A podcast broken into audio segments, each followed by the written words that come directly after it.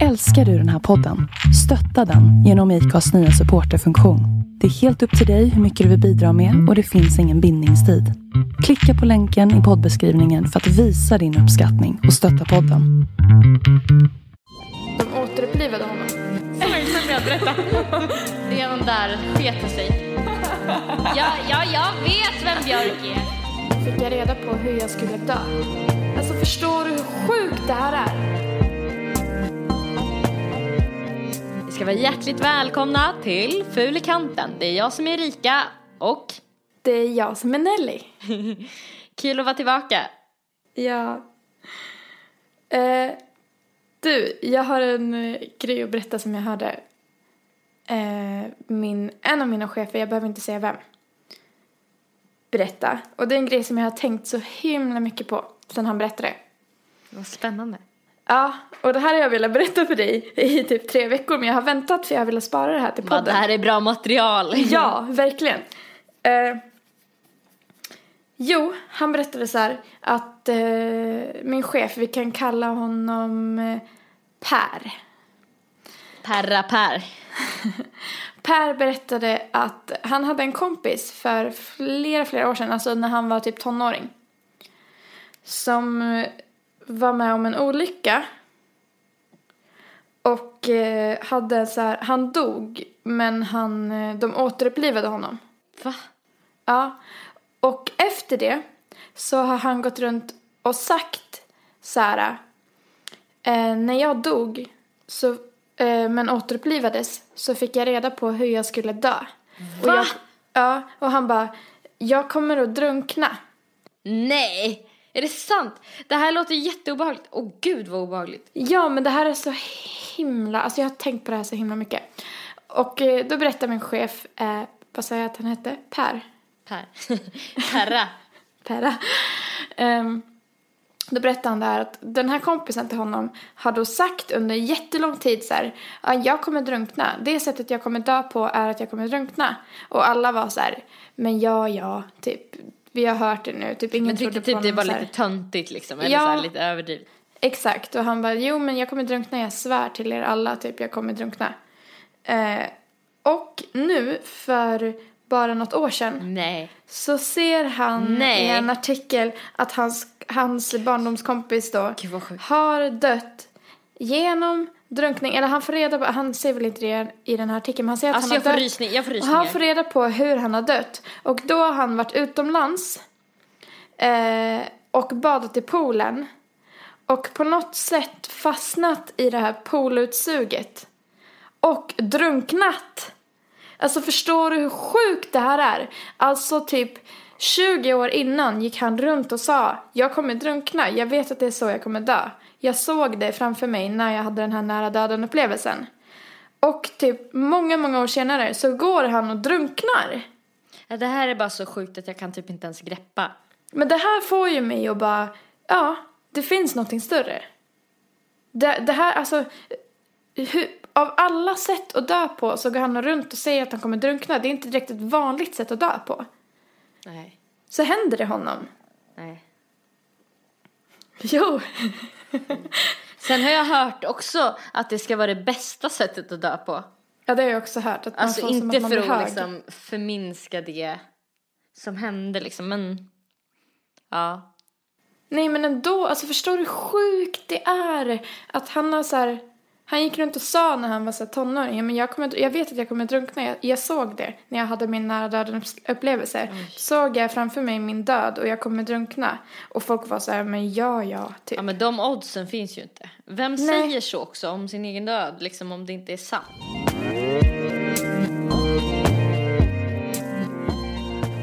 Både du och jag tror ju på någonting större, det kan vi ju säga här och nu. Liksom. Ja, jag tänkte Det- faktiskt precis säga det, att så här, om någon vill lyssna på det här, vårt svammel hit och dit eller så här, vi har säkert en jävligt mycket vettiga, roliga saker att berätta också. Ja. Men vi tror ju på ganska mycket grejer, du och jag. Ja. Eh, och det har vi ju pratat om massor. Det var väldigt fint tyckte jag när vi så här kom fram till att vi kan typ dela det med varandra. Verkligen, och jag, jag skiter i vad alla andra tror. Jag tänker så här att eh, man kan tro på vad man vill, man kan tro på religion eller så kan man tro på ingenting. Eller så kan man tro på någonting däremellan. Eh, jag tror inte på någon särskild religion och det gör väl inte du heller. Nej, nej men, Men, vi båda tror ju på någonting större. Ja. Och vi tror ju på att någonting händer efter döden men vi vet inte vad. Och vi, alltså anledningen tror jag till att vi båda inte tror på någon särskild religion är ju för att det inte finns något bevis. Men vi är så här, det finns, det finns något större, det händer någonting efter döden men man vet inte vad. Och sen kan man ju spekulera hur mycket man vill. Men Ja. jag, och jag tror också på det här med att saker och ting eh, sker av en anledning även om det är jobbiga grejer för man lär ju sig någonting av allting som händer. Och det tror ju du också på. Mm, verkligen. Och det är så fint att vi tror på ungefär exakt samma grej. Och att vi Ja. kan så spekulera tillsammans. Jag tycker det är jättefint. Det är, det, det, det är en väldigt fin sak vi delar och jag tycker att så här, Mm. har man någon vän som man delar en sån sak med så tycker jag verkligen att den personen ska man utnyttja. Alltså inte utnyttja men den personen ska man liksom faktiskt försöka prata med de grejerna med. För det är fan inte alla människor man kan prata med sådana saker om. Alltså, Nej, verkligen. Och, eh, och för mig är det också så här skönare att tänka, för, för det är många som är så här, eh, de som tror att det inte händer någonting alls efter döden, att det bara blir svart. Ja. De är så här, nej men det händer, vad, hur kan du tro på det, det är så himla flummigt, så här, eh, det händer ingenting efter döden. Ja. Men grejen är att även om det skulle vara så att det inte händer någonting efter döden Mm. så hjälper det mig och min dödsångest att tro att det händer någonting efter döden. Mm. Verkligen. För om jag skulle tro att det inte händer någonting efter döden så skulle jag gå runt och ha dödsångest varenda dag. För Mm. då skulle det här kännas så jävla viktigt och så himla av, så här avgörande allting. Verkligen, allting skulle kännas så dödsavgörande hela tiden. Ja, Man skulle aldrig våga göra någonting för att man skulle typ vara orolig för att det var fel beslut hela tiden. verkligen. Och då känner jag att eh, eh, även om det inte händer någonting efter döden så tänker jag tro att det gör det. För det hjälper mig i mitt liv liksom. Det underlättar att tänka att det bara händer någonting efter döden. Och jag tycker att man får så himla mycket små bevis hela tiden på att det gör det och jag tror på det. Det Men här som jag här- berättade, det är så sjukt. Ja, verkligen. Man hör ju såna grejer. Man hör ju såna grejer ibland så här. Ja. Och eh, så ibland så tänker så här, för ibland så ser man ju på något vetenskapsprogram och sådär. Och då kan jag tycka att eh, ibland, alltså när vi pratar stjärnor och galaxer liksom, så känns ju universum nästan mer overkligt än, än flummerier. Alltså då känns ju nästan vetenskapen mer flummig än det inom situationstecken flummiga. Ja, verkligen. För att så här, det blir så flummigt så att man vet inte, det finns siffror. Ja, jag vet inte, nu är inte Ja. jag lagd åt det hållet så att det, Nej, ja, inte folk jag som kanske hör det här tycker att jag är en apa som pratar om det här. Men, men för mig så känns ju det eh, så svårt att greppa. Liksom. Ja, Så verk, det är för mig med. Eh, Det är så himla spännande det där och du och jag har ju en liten eh, ehm, Tes. Exakt, en liten tes Ja, ja. Om hur det om det? kanske skulle kunna vara. Ja, ja. Det, kan här har ju du och jag jobbat fram genom några nattliga samtal som vi Ja, ja, haft. ja. Alla våra nattliga. Och om någon har lite dödsångest så kan säkert det här trösta lite, det tror jag. Vår lilla spekulation i alla fall är att vi, vi tror lite på att vi tror ju på att man kan återfödas. Eller så här, jag tror så här i alla fall så får du säga om du också tror så. Att eh, det här var faktiskt min farmor som sa det till mig och hon berättade någon historia som fick det här att låta så Nej, himla logiskt. Berätta, berätta, berätta. Ja. Åh, jag är så exalterad att berätta. det här har inte jag hört alltså, så ni vet. Eh, nej men hon berättade för mig att, och hon var så här, så här är det Nelly. Livet är en skola. Man har vissa grejer som man ska lära sig under sin livstid, under sin skolgång. Åh gud vad bra. Har man inte lärt sig alla grejer man ska lära sig om livet, då föds man på nytt. Och då kan det vara så, det, det kan förklara det här med att det finns så många som har minnen från tidigare liv och så vidare. Ja. När man har tagit sin examen då kommer man vidare till någonting annat. Och det vet vi inte vad det är. Det kan man ju bara spekulera i. Men det, då kommer man vidare. Då är man klar här på jordlivet. Men annars får man liksom gå om en klass. Ja, och det förklarar så himla mycket med så här, Ja. det, det är så himla lätt att sitta och så här, men jag tror Ja, på någonting ja. större. Men med folk som dör unga och grejer. Mm, Då verkligen. tänker vad du jag, och särskilt där är det så här helt oförklarligt. Att Det är en tröst. Då kanske de har gått klart sin skola. Och då behöver inte de vara kvar någon längre, de ska vidare till nästa. Mm. Och folk som, tröst. folk som får leva riktigt usla liv. Mm. Eh, då kanske det är det de har kvar sig att lära. Och de som får leva riktigt bra liv kanske har det kvar att lära. Alltså Mm. av sin skola. Men nu kanske vi låter så på ett sätt lite mästrande eh, i den aspekten av så här, okej, det vart jobbigt för dig, ja men det finns en förklaring, alltså bara för att det ska bli lättare, men, Nej, men fan nej, det det blir verkligen ju inte. lättare, alltså det blir, det känns ju, ingen har ju svaret och varken Nej. vi eller vetenskapsmännen har ju svaret, så att på ett sätt så känns ju den tanken liksom inte helt främmande, alltså Nej, nej det är verkligen inte att man förklaring. sitter och försöker förminska att någon Nej, har nej, dött eller så. verkligen inte. Det, det är så jävla hemskt det kan bli oavsett. Men det vill jag bara säga så här också att i den här podden typ att vi pratar ju bara utifrån våra erfarenheter och våra känslor och våra tankar och, och så här vi, vi försöker ju jobba på att inte prata typ väldigt så här kategoriserande eller så här skuffa in folk i fack eller vara så här väldigt eh, ja men så här små eh, men, men vi är också bara människor så att vi hoppas att folk har överseende med det liksom. Exakt, och vi, vi har ju heller inte riktigt något tema på vår podd så vi pratar ju bara utifrån vad vi känner för. Och, Ja. och som sagt, eh, alla har olika åsikter men vi kan ju bara prata utifrån vad vi tycker. Och vad vi Verkligen. tror på. Verkligen. Men det, det tyckte jag var en så himla fin tanke. Och Jag tyckte det var vackert. Ju, det tyckte jag också. Och efter det så har jag så lite trött på det. För hon känns som en så här... Men farmor är så här... Som en sån... Mm.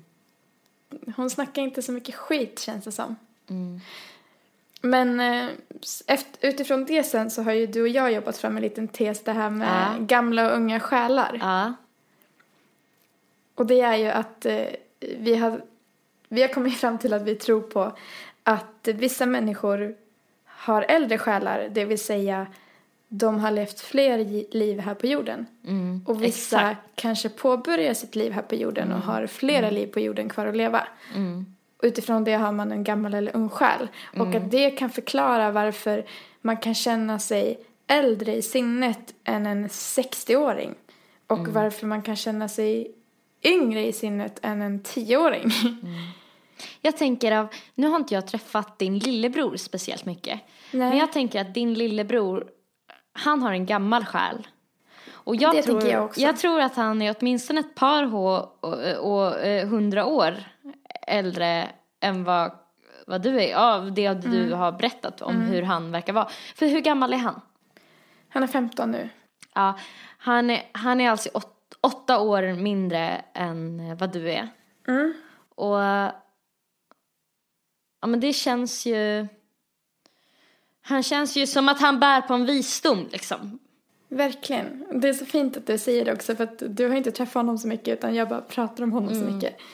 Men han, han är så himla vis och han lär ju mig grejer hela tiden. Och han, han kan tänka på så här stora plan. När jag pratar med honom så känner inte jag att han är åtta år yngre än mig. Då känner jag att Nej. vi är ungefär på samma plan. Inte utifrån erfarenheter för jag har såklart mer erfarenheter än Ja honom. men vad häftigt. Men att han förstår grejer och han, han, han förstår så himla mycket grejer. Och han har så här, alltså redan när han var typ nio så hade han så här stora tankar som man kanske inte hade när man var nio. Det På låter typ så häftigt. livet och på så här, ja men han började fu- fundera över så här testamente och grejer och eh, men jag har alltid varit så himla, jag hoppas att han hör det här nu för att jag har alltid varit så himla stolt över honom och jag kommer alltid vara det. Och han är den personen jag är mest stolt över av alla för att han eh, han är så fruktansvärt klok. Nej men jag tycker man känner sådär väldigt ofta att när man träffar människor att man känner sig kanske inte äldre men att man känner att man tänker mer än den eller att man jag vet inte, att man förstår, att man tänker på mer stora saker än vad den gör och då kanske man tänker att ja, men då kanske jag är en äldre själ och sen träffar man vissa som är så här wow Mm. du är mycket klokare och visare än mig fast att du är yngre. Och då tänker Man blir helt att, fascinerad liksom. mm. Jag undrar hur gamla, alltså om vi ska utgå ifrån våran tes så undrar jag hur gamla själar, själva. Ja, undrar hur gamla själar vi har. Mm. För jag tänker att vi inte har jättegamla själar. Men att vi inte är första gången är här på jorden heller. Ja, men så känner jag också med oss. Mm. Eh, Det känns ju som att du och jag är på, på ett väldigt jämnt plan. Det Eftersom att tycker jag också. så här- Alltså på ett känslomässigt plan, ja. Men sen så har Ja. vi så många typ erfarenheter kanske just i det här livet som typ har format oss. Så här, våra egon har... För jag, jag brukar Ja. tänka lite som att... eh, Och jag vet att många andra tänker så också, så det är inte bara min idé. Men att många tänker i ego och själ. Typ att man Mm. har ett ego. Det egot är det här och nu. Alltså det som vi har som vill ha en jeansjacka på våren Mm. och en skinnjacka på hösten. Liksom. Eller så här, den som vill ha hårförlängning. Mm. Men sen så tänker jag att det finns någonting som är så här eh, på ett djupare, väldigt känslomässigt plan, så här, hur vi pratar, hur vi känner inför saker. Ja men inte så här, eh, alltså jag har inte ett sånt himla bra ordförråd eller sådana grejer men jag tycker inte att det har inte med det att göra. Nej, det har det sånt, inte. Sånt Det tror jag inte. att man lär sig på nytt varje gång man föds. Ja, det tror jag också. Det tror jag också. Det tror jag är precis som vilka kläder du sätter på dig. Ordförråd tror jag är precis som kläder, fast det är livet Exakt. liksom. Vi, nu snackar ju vi om hur man tänker, alltså hur man sitter och så analyserar över livet, hur man analyserar andra människor och hur mycket man eh, tänker igenom känslomässiga grejer. Mm. Det finns ju den man är så här intellektuellt. För att så här, man, man pratar med en del människor så, som har väldigt så här, intellektuella tankar om ja, men så här, äh, hur man ska vara mot andra människor och typ kanske politik och sådana där saker. Och sen så finns det ju så här, typ intelligens. Eller så här, något som känns som att det bara handlar om någonting som bara som du inte kan typ nästan ens lära dig. Nej, det finns där Och bara. det tror jag är kopplat till, alltså typ det intellektuella, det tror jag är kopplat till vad du har lärt dig i det här livet. Och sen tror jag att typ intelligensen har att göra med det du bär med, alltså in, det intellektuella, du bär med dig från de andra livstiderna typ. Att all din livserfarenhet är, är samlad i din intelligens som du har med dig från början typ. Exakt, för att det har ingenting med hur mycket man kan om olika eh, partier Kultur, eller, ja, eller kultur, kultur, eller vad ja, fan precis. som helst. Exakt, Alltså exakt. om allmänbildning. För det, är har ju bara inte- kunskap egentligen. Exakt. Det här handlar ju, vi pratar ju om nu hur man, ja men hur man, om man är liksom intelligent på ett typ socialt sätt eller på ett, på ett känslomässigt sätt. Inte på hur mycket man kan om olika grejer.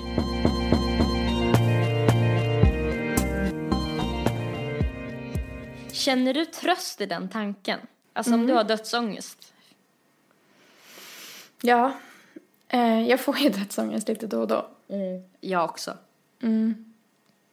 Men det, och, men det kan jag säga att det är bara när jag får för mig, när, när jag börjar tvivla och känner Ja, tanken. Ja. tänk om det inte händer någonting efter döden. Det är då jag får dödsångest. Så länge jag håller mig till tanken att det finns någonting större, då är det ganska lugnt. Samma Men här. det är de här stunderna när jag tvivlar, för det gör ju alla och jag, alltså, vi tror inte kanske stenhårt på det här men vi Nej. väljer att tro på det och det är Ja. det vi vill tro på. Men såklart så tvivlar man och ibland så tänker man så här, men det kanske inte händer någonting efter döden. Och det är då jag får dödsångest och då kan jag ligga i sängen och bara, ge mig ett tecken. Ja, typ om med. det händer något efter livet, ge mig ett tecken här och nu. Och så ligger jag så här, stirrar ut i mörkret och bara väntar så här. Så bara kommer inget tecken och då bara, nej, nej, nej, det är inte sant, det är inte sant. Man får ju panik och vill bara sprattla med ben och armar.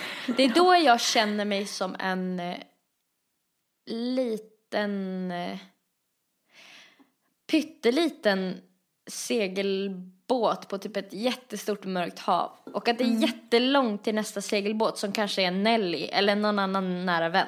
Ja. Att det Och det är ligger- då du och jag ska ringa varandra. Alltså Det vi det. måste göra det. Det är då vi ska ringa varandra och bara okej, nu har jag dödsångest. Det är då man Hjälp. inte förstår att man ska ringa någon för Nej, det är då exakt. avståndet blir för långt. Ja, och det är då man är insnöad i sina egna tankar att man tänker så här, nej men jag ska inte ringa och störa och hon kommer inte orka lyssna på det här och bla bla bla. Alltså, vi pratar ju med varandra ganska så nära om saker, liksom. Mm. Så här. Men det är sällan vi ringer varandra i skarpt läge. Jag vet. För att jag tror vi har de här lägen, alltså de här äh, ångestattackerna. Det känns överdrivet att säga så, men jag tror verkligen det är så. Oavsett ja, hur det bra vi så. Mm. har eller inte bra vi har det. Men skitsamma, så tror jag att vi gör det liksom lite för sällan för vad vi skulle egentligen må bra av att göra. Jag vet, och varje gång jag får, alltså nu låter det som att det är jätteofta, det är det ju inte, men när det händer att jag får en så här riktig typ dödsångestattack eller bara en ångestattack av eh, vad det nu kan vara som har triggat igång det. Så, så väljer inte jag att ringa dig av någon anledning. Oftast inte i alla fall. Ibland gör jag det. Men varför Och- gör du inte? Nej, för att, för att jag är så här, Man är så jävla fuckad i huvudet då. Det är då man önskar att du, att du ringer mig liksom. Och Men du Ja, kan inte ja. omöjligt veta att jag ligger där och har ångest. Så att Men tvinga att- mig på. Ja men för att det är då man tänker så här att ja, men du håller säkert på med något annat och jag orkar inte komma här med mina små problem för det kanske har triggats av att eh, ja vad fan som helst. Det kanske har triggats av att jag inte har några rena kläder att ta på mig på morgonen eller vad vet jag. Ja men det kan vara Det hur kan banalt som helst. som helst. Ja. Alltså det kan vara så hur litet och banalt som helst. Men och, alltså det gör ju inte känslan lättare att, att bära på något sätt. Nej, verkligen.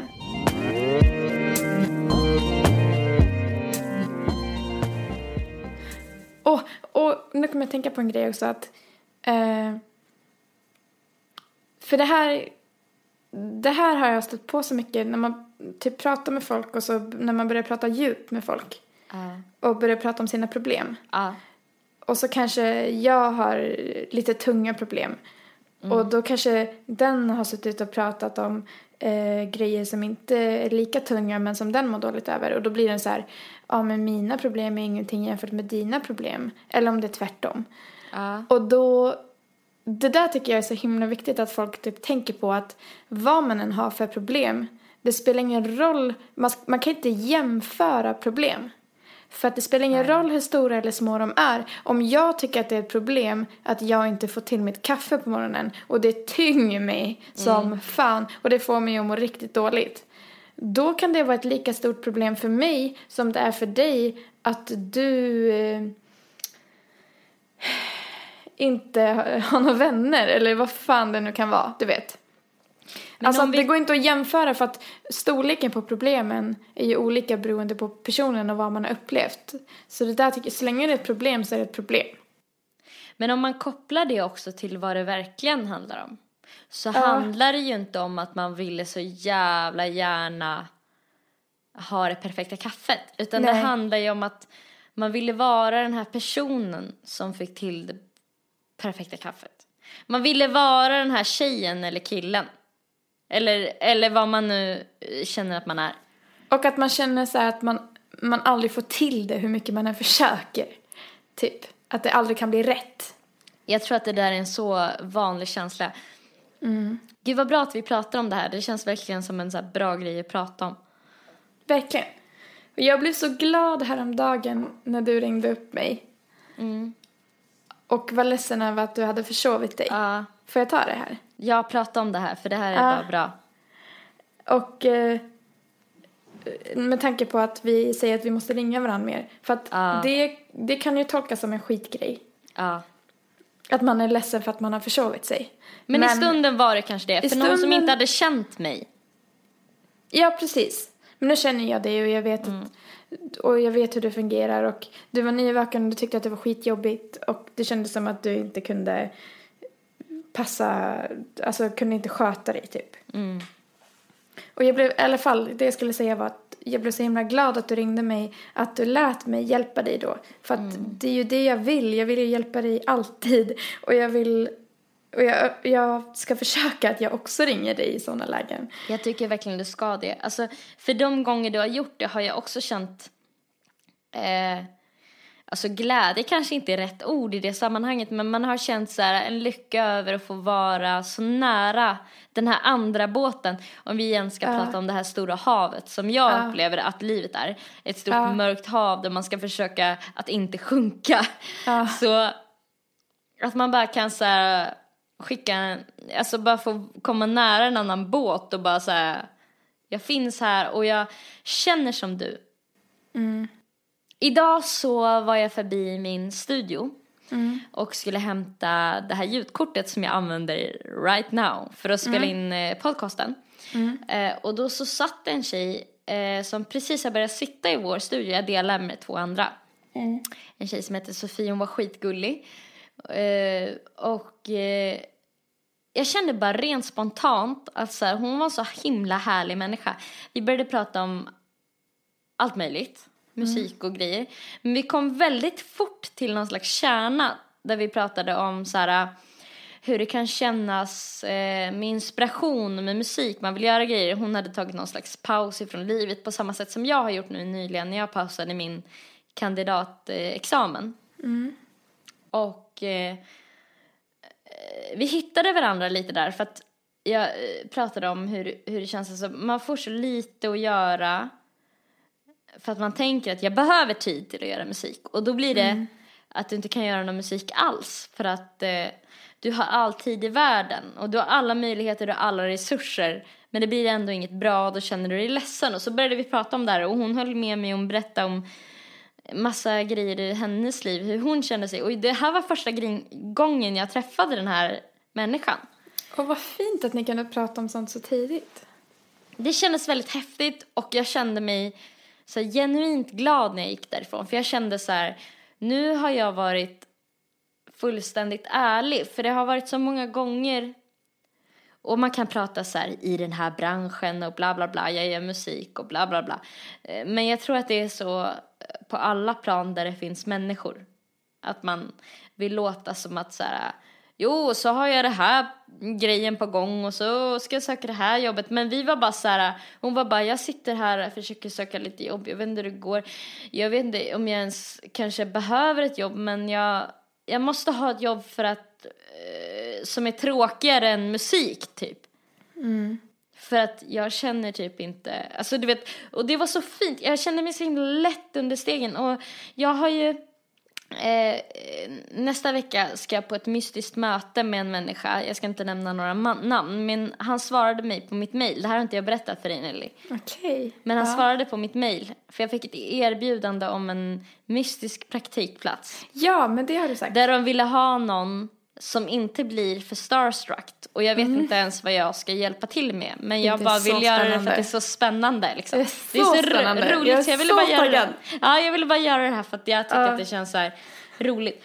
Det känns som att så- jag är mer taggad än dig på det här. Jag vill Ja, bara men jag tycker det höra känns så alla kul. smaskiga detaljer Att och jag bara ska veta få- allting. Kom och träffa den här killen och Mm. prata om någonting som jag inte ens vet vad det är. Och eh, då sa jag till den här tjejen så här, vad jag är just nu. Eller hon frågade lite så här och jag berättade lite och så sa jag att eh, ja, jag ska på, eh, det är någon slags praktik, jag kommer inte få några pengar. Alltså det kändes så skönt att så här, säga att så här, ja men du vet jag är inte så cool Nej, exakt. som du kanske tror, för att hon trodde att jag jobbade på den här skolan som vi gick på eftersom jag hade praktik där förut när vi träffades. Så då kunde jag säga så här, nej men jag hade praktik, jag fick inga pengar men och så nu ska jag på en annan praktikgrej, jag vet inte, jag har fått erbjudande, alltså det är ju kanske kul att säga att jag fick det men det kändes roligt att jag kunde säga också, vet du vad, jag kanske inte ens får det. Det sa Nej. jag till henne, att jag kanske inte ens får det här men det är skitsamma, nu vet du det, så ser vi nästa gång om jag fick det. Alltså för så hade inte jag kunnat säga när jag var 18 tror jag. Nej, och det som är så skönt är ju när man känner att man inte behöver göra sig till. Att man känner så här, ja men jag kan erkänna lite brister här. Och det, det sjuka är ju att det är ju det folk, det är ju så folk boundar. Folk boundar ju inte Ja. genom att höra hur bra alla andra är. Nej. Om du och jag skulle träffas för första gången så skulle ju inte vi bounda genom att sitta och skryta om eh, våra egna låtar. Eller Nej. vad det nu kan vara. Utan man boundar ju genom att erkänna sina brister och kunna så här komma fram till någonting och så här, prata om sina problem Ja. och eh, kanske hjälpas åt lite och, och, och då känner man ju så här, men hon är som jag. Hon har Ja. också problem. Hon har problem med det där och det där och jag har problem med det där och det där. Och gud vad skönt att eh, inte hon heller är perfekt. Vilket varenda människa känner. Och det är det man måste vara. Man måste, det är därför man ska vara lite bjussig och våga prata om sina problem. För att det är så folk tycker om en och det är så man tycker om andra människor också. Det är när man visar sig som mest sårbar som människor faktiskt börjar gilla en på riktigt. Ja, Och fan vad sjukt det är att det har tagit så lång tid att komma på det. verkligen. Och ändå så ibland så går man runt med den här fasaden och bara jo, men jag mår bra, jag har det så bra. Typ, jo, men det går jättebra. Man bara, men vem fan vill höra det? Typ. Eller så här, visst, det vill man höra om man får höra lite annat också. Men det är ingen som orkar sitta och lyssna på någon som bara har det jättebra hela tiden. Nej.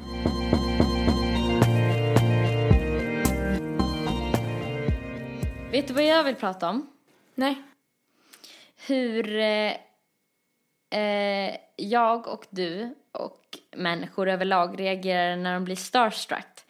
Eftersom jag har fått det här uppdraget nu, eh, eventuellt, jag har inte ens fått det, men eh, nästa vecka kanske jag kommer få ett uppdrag där jag får vara praktikant. Säkert bara jag kokar kaffe. Kanske till coola personer, kanske till töntiga personer. Vi får se. Men jag vill prata om hur eh, vi hanterar att bli starstruck. Om det är någon kändis nu nästa vecka. Hur jag kommer reagera. För jag tänkte lite på den här grejen med... Du är ju väldigt bra på att spela cool. Mm, men jag är också ganska dålig på det ibland. Ja, för Alltså- du springer iväg och gömmer dig oftast. Mm. Jag ville berätta om den här grejen som hände i eh, fikarummet där min studio ligger. Att jag stod och gjorde mitt kaffe. Det kommer in en kille som börjar prata engelska. Jag tänker inte prata engelska nu i Ja, podden för det. det blir bara Ja. pinsamt. Men han pratade engelska så att ni får föreställa er, eller hur? Mm. Ja, och kommer han in och bara Tja! Vad heter du? Alla är väldigt pratsamma i Jag, jag hyr som i en korridor med massa studios, många människor. Eh, vad heter du? Jag säger så här, jag heter, han vill veta vad jag gör för musik. Och jag säger så här på lite halvknacklig engelska, för jag hade en dålig dag. Där jag bara känner mig dålig överlag, ni vet hur det kan vara. Bara, I do my own stuff, ish. Sa jag. Och, och men ni vet, så, här, så jävla... Man bara, man, det var ju det första på engelska lektionen, bara, du ska inte säga stuff för det är ett dåligt ord. Skitsamma, jag bara fuck, redan där sket det sig. Och han bara, nu, gjorde, nu pratade jag engelska ändå, men skitsamma. Och, han forts- och jag bara frågar så här, vad gör du? Han bara, ah, så här, mest commercial stuff, så här, men bla bla bla. Och sen så droppar han bomben. Ja. Alltså, Jag, jag är så glad att jag vet det här för då slipper ni höra min reaktion på hur jag var första gången. För jag blev ju starstruck så in åt helvete. ja, du, du tappade det ju. Ja. Ja, jag förstår att du känner dig eh, så här lugnad med och redan vet vad som kommer, för att nu kommer det. Eh, han säger till mig så här att eh, just nu jobbar jag med en artist som heter Björk. Yes. Alltså, ni vet, Di Björk. Björk, Nej, men alltså liksom. på riktigt. Ja, eller hur? Och, eh, och min reaktion... Men visst hade han så ju- frågat dig lite så här, vad gör du? Och du bara, nej men jag gör lite egna låtar och sådär, typ. Nej men han var så här skön liksom, ville prata lite, han var bara social liksom. Och det jag gör det är att bara hälla klart min kopp kaffe. När han säger och det. gör ett slags, ja han bara I'm working with Björk right now. Och jag bara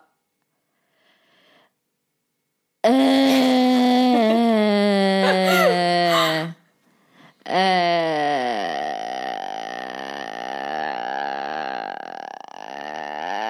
så sakta, medan jag gör det här ljudet, Ja. om ni inte kommer ihåg vad jag gjorde för ljud, jag gör det här ljudet.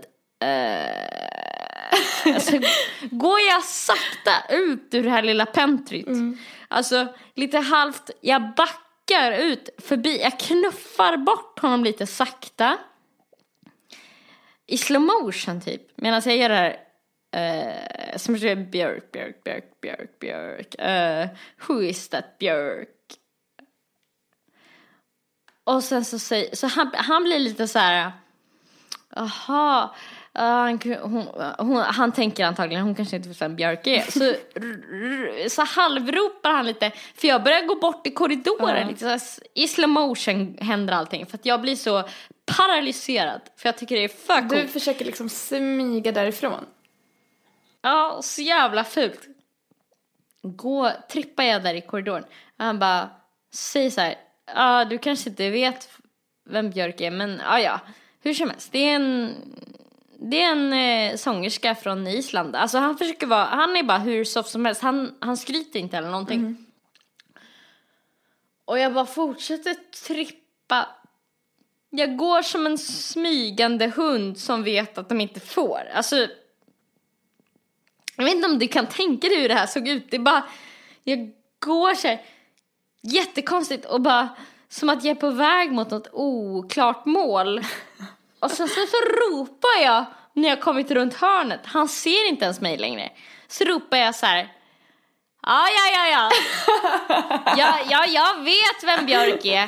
Jag är bara för imponerad så här på engelska med lite knark. Ja, ja, I know who Björk is. Uh, I'm, just, I'm just too im- impressed liksom så här. Och sen inom parentes så här, just gonna go and take a shit now.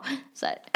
Skitjobbigt. Och sen så springer jag till toaletten och sätter mig där. Och så sitter jag där skitlänge och låtsas ta en lång Bajs. lång eh, kabel liksom. Bara för att han inte ska så här, misstänka. Som att det blir För bättre sådär- liksom. Ja men kändisar. Ja. Jag vet.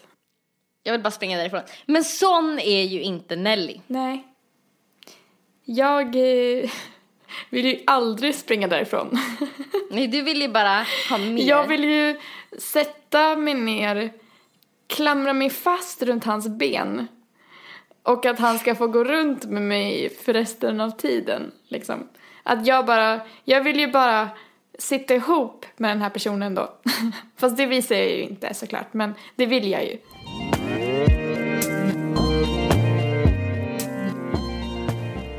Det kanske var drygt två månader sedan som jag och Nelly var på mitt gamla favoritställe Marielevaux som kanske några av er känner till. Just det, det var i somras va? Var det inte? Mm. Ja. Och eh, det var ganska spontant. Vi drog dit, vi visste inte vad det skulle vara för kväll. Nej, vi var på en pub att- innan och så var vi så här, vart ska vi dra? Vi vill dansa, vi drar till Marielevaux. Och så var det någon slags eh, hip-hop, hip, eh, Hoppkväll. så, var det, så var det någon slags hiphop-kväll. Mm. Och eh, en av våra största så här, lite så här feministiska idoler. Verkligen. Verkligen. Spelade. Speciellt svenska. Ja, Alltså en av mina, Cleo. en av mina största svenska idoler, Cleo. Shout out. Nej jag ska. Nej men Cleo, hon är helt fantastisk. Om ni inte Verkligen. redan vet vem Cleo är så sök på Cleo med C på Spotify så hittar ni henne där. det Hon är, ju, hon är ju en eh, svensk rappare. Som är så jävla grym. Och vi står i alla fall på dansgolvet och dansar bara. Det är en vanlig musik, eller det är lite så här hiphop-musik. Vi står och dansar. Och så helt plötsligt så ser jag så här. Det står en DJ där och så ser jag Cleo typ i hörnet på scenen och jag bara Erika, är inte det där Cleo? Hon bara jo, det är det. Och sen så helt plötsligt så kommer Cleo upp på scenen och typ gästar den här DJen när han håller på och DJar. Och det slutar med att Cleo så här kör sina egna låtar och vi bara What the fuck? Vi är på en spelning med Cleo utan att ens veta om det. Vi ställer oss längst fram, diggar järnet så vi blir helt genomsvettiga till Cleo. Och sen när hon är klar så ser vi ungefär vilket håll hon går när hon går av scenen. Och då har vi druckit några glas så jag är så här vi måste snacka med Cleo. Vi måste snacka med Cleo. Och alltså det här hade inte jag gjort. po poängtera det. Om jag hade varit nykter så hade jag aldrig vågat göra det här. Men vi hade tagit några glas och vi var så här. Eller jag var så här, vi måste snacka med Cleo. Vi tror att hon springer upp genom en dörr som vi får syn på. Så vi kutar in genom den dörren, vilket visar sig vara köksuppgången. Så Alltså vi... jag vill bara inflika att jag var så otroligt nervös. Jag vet. För det här går emot allt jag står för, typ. Eller min natur i alla fall. Nej men det här, det kanske inte är bara vad du står för utan det är bara, det går liksom emot allt, hela ditt väsen liksom. Det går emot ja, men allt du att är vara van så här uppfostrad och liksom... Ja, exakt. Så jag sliter med dig upp i den där köksuppgången. Så vi i princip springer halvt upp i köket och inser vi är i köket. Det kommer någon nu som jobbar Ja, det här. var typ en kock. Ja, vi måste vända, kutar ut igen och bara okej, det här var fel. Vart tog Cleo vägen? Och så får jag se in på en dörr som verkar vara backstage och blir så här, men vi måste smyga dit. Och då är det bakom, DJn står på en liten scen och den här dörren är precis bakom DJn. Så det är lite tricky att typ ta sig upp och runt utan att bli nedkastad på dansgolvet igen. Alltså vi gick upp Vi smög verkligen. på scenen. Bakom DJn. Bakom liksom hela schabraket. ja. Och hittade en dörr. Där klampar vi upp, får syn på en dörr. Jag tar en snabb kik in genom dörren och ser att där sitter Cleo och kompani. Nelly halvsläpar mig. In genom dörren eh, och säger så här. Det är nu eller aldrig, Erika. Vi kommer, för att vi är lite så, eftersom att vi själva håller på med musik så vill man vara, man vill visa respekt för artister, man vill inte vara den här dryga groupien som springer efter. Man vill eh, förhoppningsvis, om man får leva efter sina drömmar, bli kompis med dem framöver och kunna så här göra grejer ihop. Men då sa jag till Erika att Cleo gör en helt annan genre än dig och mig. Vi kommer inte bli kompisar med henne på det sättet. Vi kan lika väl springa fram och säga att vi tycker så himla bra om henne. Hon kommer säkert gilla det skitmycket. Så Jag har typ för mig att du sa någonting i stil med att eh, hon är ändå för cool för oss.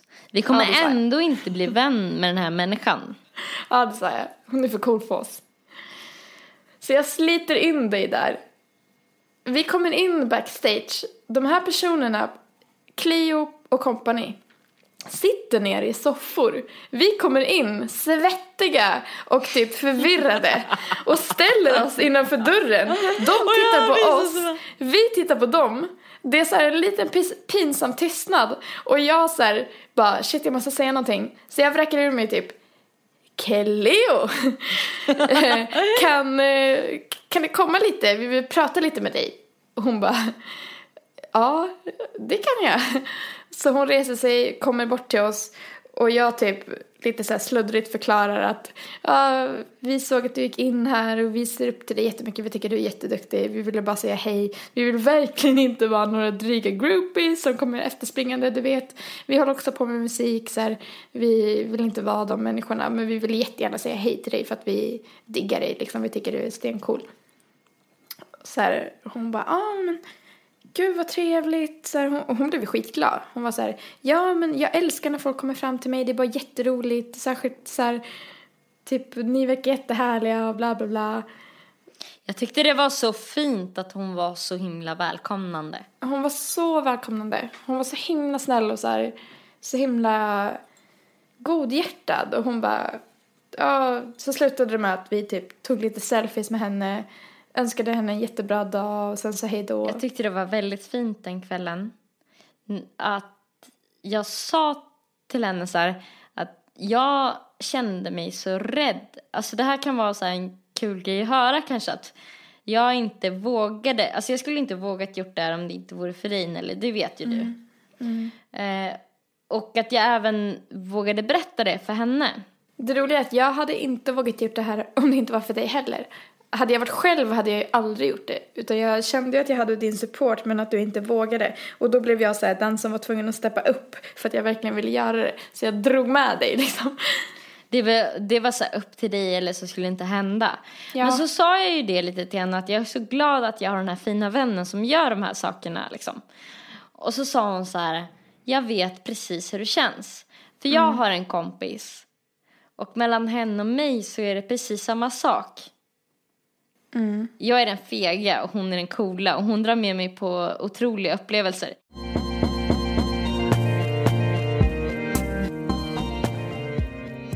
Det är lite lustigt så här för att folk som har känt oss tidigare genom åren eller så här, som det har varit mellan oss över, överlag så tror jag kanske inte att man fattar att det ser ut på det sättet. Man kanske tror, alltså om jag ska säga helt ärligt hur jag tror att vår relation uppfattas.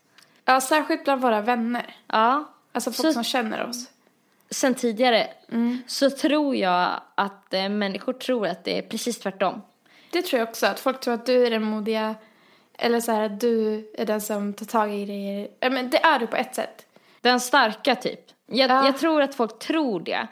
Men sen så när det verkligen kommer till de här skarpa lägena då kan du typ uppvinna en sån styrka så att jag blir helt imponerad. Alltså det är så många gånger jag, jag, jag har tjatat om det här många gånger, du vet allt det här. Men, Ja. men det känns häftigt att, eh, ja, jag vill bara berätta om det, att det är så det ligger till på riktigt. Att så här, och det är häftigt så här, i, jag tror att många kan känna igen sig det här. Även om kanske inte är så här, det kanske kommer vara tre lyssnare till här. Du, jag och typ någon kille vi dejtar. Men eh, nej men alltså så här. Men eh, jag tror att många människor känner på det sättet liksom. Man träffar en, en kompis. Och så tänker man att den är den starka, alltid. Men mellan dig och mig så är det ju verkligen på det sättet att så här, vi har så olika styrkor. Men det är så fint verkligen för vi är starka på olika sätt. Jag är modig när det kommer till sådana situationer som vi precis berättade om. Men du är så stark när det kommer till att eh, till exempel rycka upp sig när man mår dåligt. Jag har ju ett scenario som jag aldrig kommer glömma.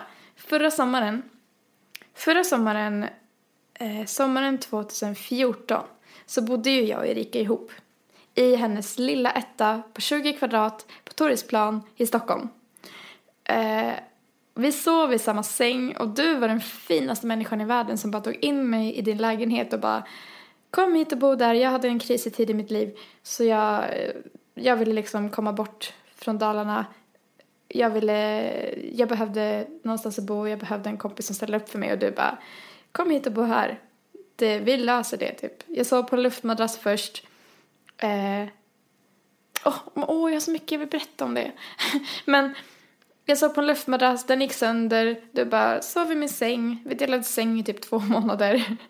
Och bara, ja ah, men det här funkar. Och att du bara så här bjussar av ditt hem till mig som är, redan är så litet för en person. Och bara låter mig komma in där. Den grejen är du så himla stark i. Och att det var en dag som jag kommer ihåg så himla tydligt som jag har så här, tagit efter och lärt mig av och så här, försökt sträva efter att vara som människa. Att vi vaknade upp på morgonen. Jag var skitdeppig när jag vaknade. Jag smittade av mig på dig så du blev också jättedeppig. Så vi båda vaknar upp, startar dagen med att vara jättedeppiga. Vi ligger och typ tycker synd om oss själva ett tag. Fram, till att, fram tills att du ställer dig framför spegeln. Tittar i själva spegeln slår dig själv på kinderna, så här, daskar igång ditt ansikte och säger till mig så här Nelly, nu tänker inte jag vara deppig längre. Det är skitfint väder. Nu tänker jag gå ut på bakgården, jag tänker lägga mig i solen, jag tänker ta med mig någon frukt eller något som får min kropp att må bra och jag tänker bara lyssna på glad musik. Ska du med? Och jag bara Okej, typ. ja, jag kommer om fem minuter så här. Och det var så himla häftigt typ att se hur du bara, nej, du tänker inte jag vara deppig längre, nu får det fan vara nog. Jag slår mig själv lite i ansiktet så jag vaknar till. Jag tänker käka lite frukt som får min kropp att må bra.